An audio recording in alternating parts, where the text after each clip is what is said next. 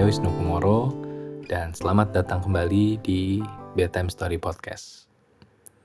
Mungkin kalau teman-teman dengerin ini ada yang mendengarkan dan memperhatikan kalau suara saya agak sedikit sengau. Uh, seperti pilek gitu ya, tapi ini bukan pilek. Uh, saya baru saja menangis. Dan saya tidak akan menceritakan kenapa saya menangis, tapi saya pengen membahas mengenai tangis. Mengenai ekspresi menangis.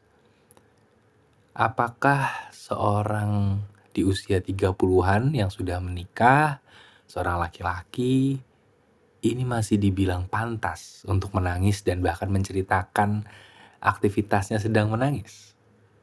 Apakah itu tidak memalukan? Mungkin sebagian dari yang mendengarkan ini bilang memalukan. Mungkin sebagian yang lain sudah berpikir untuk menormalisasikannya jadi nggak apa-apa untuk menangis, it's okay. Dan saya memilih untuk berada di posisi yang kedua. Menurut saya, menangis itu adalah sebuah ekspresi bentuk ungkapan dari emosi yang kita rasakan dan itu nilainya netral. Sama seperti tertawa. Kita merasakan emosi, bahagia, senang, dan ekspresinya adalah tertawa. Kita mungkin merasa emosi, kesal, marah, dan ekspresinya adalah cemberut atau teriak. Jadi itu hanya bentuk ekspresi dari emosi yang dirasakan di dalam. Emosi dirasakan di dalam dan ekspresinya tampak keluar. Dan kita sebagai manusia yang daya observasinya terbatas, memang lebih banyak menilai dari ekspresi yang tampak, bukan dari emosi yang dirasakan. Jadinya ketika kita ngelihat ada orang lain menangis, kita melakukan penghakiman terhadap orang dan ekspresinya. Ketika kita melihat orang e, berekspresi teriak, marah, kita mengasumsikan hal-hal tertentu tentang dirinya. Ya, karena kita daya observasinya terbatas. Manusia daya observasinya terbatas. Cuma lucunya, kadang-kadang penghakimannya di luar batas. Jadinya dengan observasi yang terbatas kita tuh sebenarnya sering salah. Dan penghakiman berdasarkan observasi yang sering salah muncul masalah. Biasanya kayak gitu. Dan begitu pun tentang menangis. Menurut saya menangis itu sudah lagi bukan hal yang memalukan, malah hal yang diperlukan. Itu adalah bentuk ungkapan dari emosi itu ekspresi dari bentuk emosi yang kalau tidak diungkapkan akan keluar dalam bentuk lain. Mungkin kita sering melihat ada orang-orang yang sedih namun tertawa. Kenapa? Karena mungkin di lingkungannya menangis dianggap lemah. Dan apakah itu adalah bentuk pengelolaan emosi yang tepat? Menurut saya ya belum tentu. Bayangkan, kalau menangis adalah sesuatu yang tabu. Di sebuah pemakaman, apakah semuanya harus tertawa? Saya rasa enggak. Dan kalau ada kaitannya menangis dan rasa lemah, sekuat-kuatnya seseorang ketika dia merindukan sosok ibunya, dia akan menangis. Lantas apakah dia menjadi lemah? Tidak, dia tetap kuat tapi ungkapan emosinya ya menangis.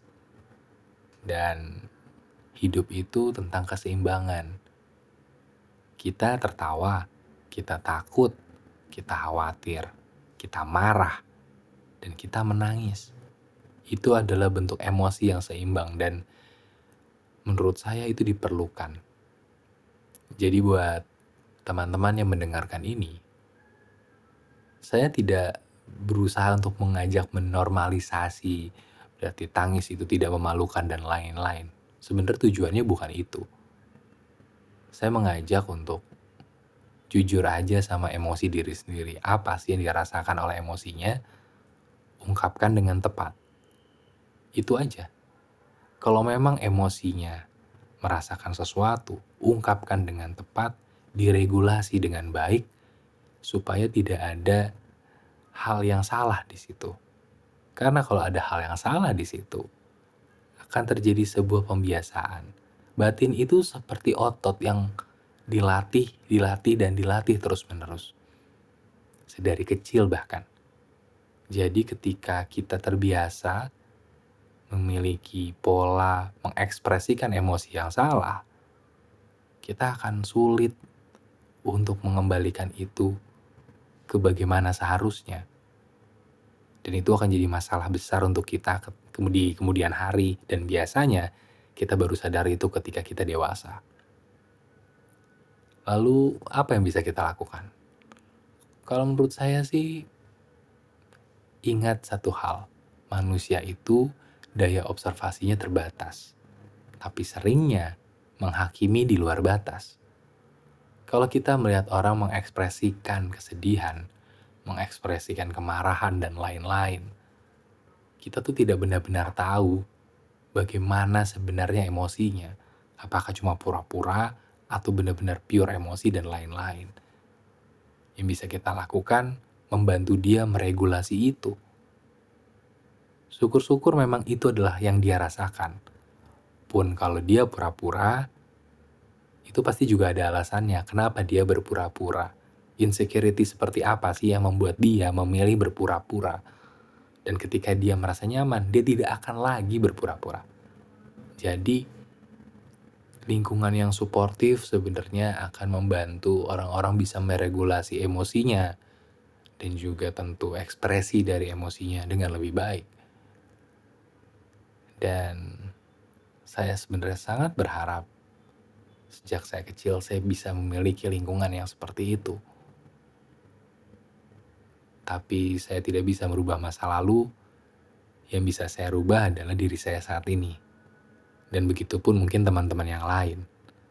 Kita nggak bisa merubah masa lalu dan menyalahkan. Menyalahkan itu adalah bentuk ketidakmampuan kita untuk menerima dan bertanggung jawab dengan apa yang kita terima dan lakukan saat ini. Jadi ya kita nggak perlu menyalahkan. Kalau memang ada yang salah, ya sudah, itu salah. Tapi tidak perlu disalahkan. Pertanyaannya apa yang bisa kita lakukan, gitu aja sih. Dan ya saya barusan menangis menangisi beberapa hal yang mungkin dulu nggak bisa saya tangisi dengan mudah tapi ternyata sekarang saya bisa menangisi itu dengan mudah. Dan kalau boleh cerita sedikit apa sebenarnya saya tangisi? Saya menyesal. Saya menyesal tidak menghabiskan lebih banyak waktu bersama keluarga saya.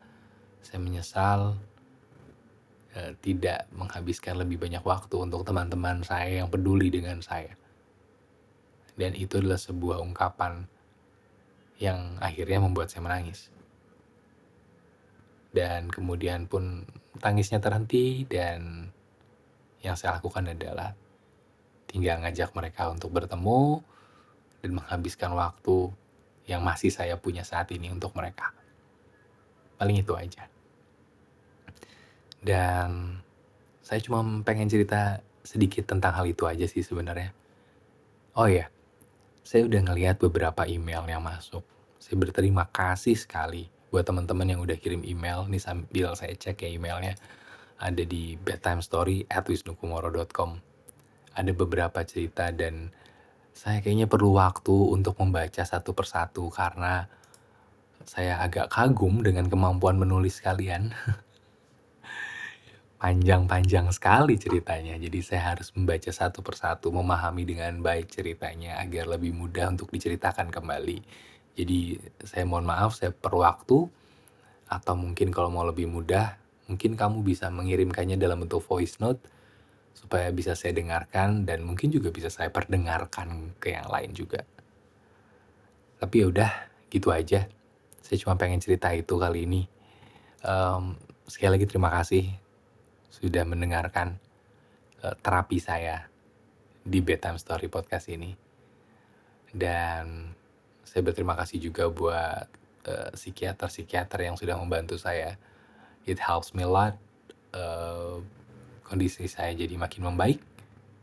Dan saya janji saya rajin minum obat. dan sampai ketemu di podcast Bedtime Story berikutnya. Semoga semuanya sehat-sehat Semoga kita semua bisa senang, kenyang, dan tenang selalu. Dadah.